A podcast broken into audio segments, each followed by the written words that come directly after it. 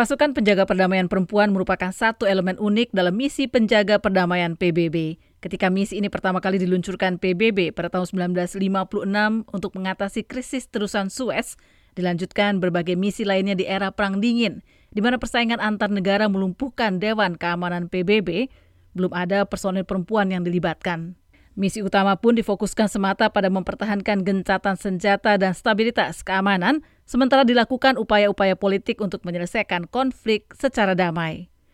Baru pada tahun 1993, sejumlah personel perempuan dilibatkan dalam misi penjaga perdamaian.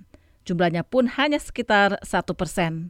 Jumlah ini terus bertambah setelah disadari bahwa perempuan dapat memainkan peran yang sama pentingnya dengan laki-laki, bahkan memberi hasil jauh lebih signifikan di daerah-daerah konflik tertentu.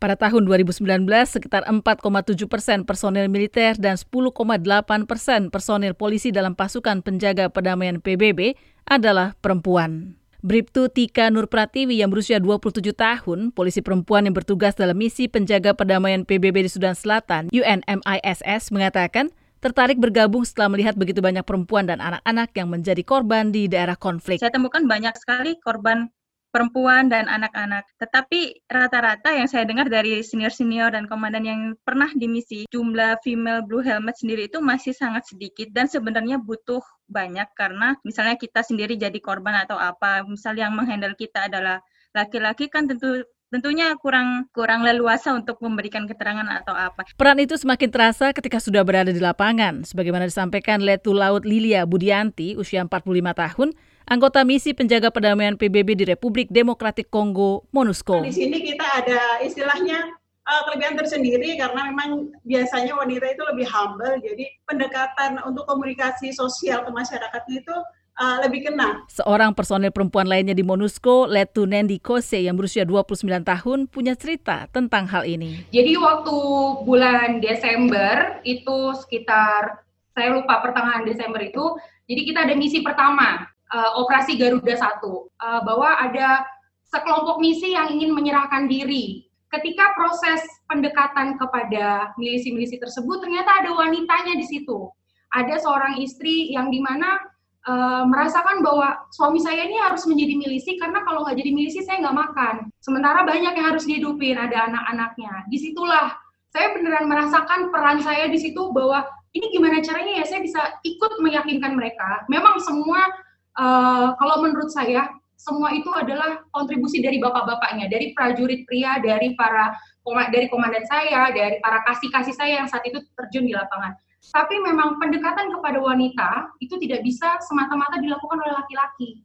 Kenapa? Kita bisa menyentuh, e, merangkul. Alhamdulillahnya dengan bahasa yang bisa saya gunakan, jadi komunikasi kan e, cukup baik gitu. Jadi saya mengerti maunya mereka. Mereka sebenarnya ingin loh menyerahkan diri, tapi kalau menyerahkan diri bagaimana ya nanti kita makannya bagaimana? Nah di situlah proses negosiasi, proses membujuk, bagaimana caranya saya meyakinkan ibu ini agar si ibu ini bicara dengan si suaminya yang notabene-nya adalah milisi.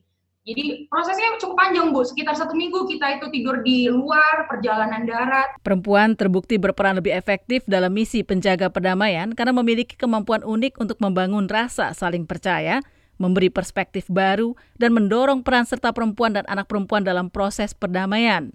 Juga memiliki akses yang tidak dimiliki oleh laki-laki. Hal ini tidak saja pada warga di daerah konflik atau mereka yang menghuni kem-kem pengungsi, tapi juga sesama personil misi. Kebetulan untuk bahan makanan itu sulit untuk didapatkan. Kami harus menunggu supply dari UN dan kita harus pesan dulu. Terkadang yang kita pesan pun tidak ada, tidak tersedia. Jadi sejak saat itu, oh oke, okay, saya harus nanam ini. Kebetulan kemarin bawa, alhamdulillahnya saya bawa ya itu. Jadi kami nanam dan kebetulan tetangga saya juga bawa bibit dari negara mereka masing-masing begitu. Jadi kami sharing-sharing. Saya menanam ini kangkung misalnya eh, rekan saya nanam eh, bayam dari negaranya yang itu saya belum Beda. temukan di Indonesia.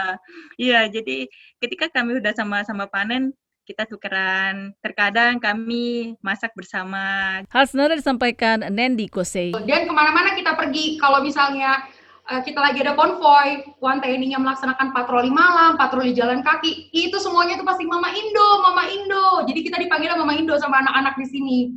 Ya, karena apa? Karena kita sering ngajak mereka main bareng, cuman main kelereng, main uh, apa lomba balap karung. Yang hadiahnya tuh bahkan bukan hadiah berupa barang, hadiahnya cuma berupa yuk kita joget bareng menggunakan uh, dengan diiringi lagu dari Indonesia kayak lagu Kakak Enda dan segala macam.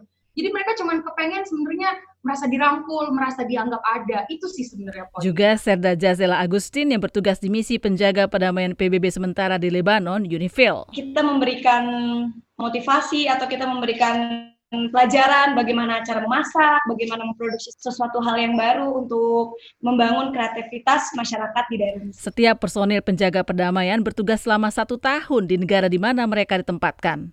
Mereka diperkenankan mengajukan permohonan untuk memperpanjang atau memperpendek masa penempatan dengan terlebih dahulu mengajukan permohonan ke kantor pusat di New York. Mereka juga mendapatkan semacam insentif di akhir masa tugas yang jumlahnya bervariasi tergantung negara penempatan. Duta Besar dan Wakil Tetap Republik Indonesia untuk PBB, Dr. Dian Triansyah Jani, mengatakan sangat bangga dengan kinerja pasukan penjaga perdamaian Indonesia. Saya sangat bangga dengan performa atau kinerja pasukan perdamaian Indonesia di berbagai wilayah konflik. Sebagai catatan, sekarang Indonesia adalah negara utama atau nomor satu yang memberikan kontribusi pada pasukan perdamaian PBB di Dewan Keamanan. Saat ini kita ada 2.800-an pasukan di 8 misi perdamaian, mulai dari Kongo, Darfur, uh, Lebanon, uh, Mali dan dan berbagai tempat lainnya. Dari 82.245 personel pasukan penjaga perdamaian di berbagai daerah konflik di dunia, 5.310 di antaranya adalah perempuan, atau berarti sekitar 6,4 persen. Negara-negara anggota PBB yang ikut mengirim personil kini menyerukan untuk menambah jumlah personel perempuan hingga minimal 20 persen, terutama untuk posisi polisi.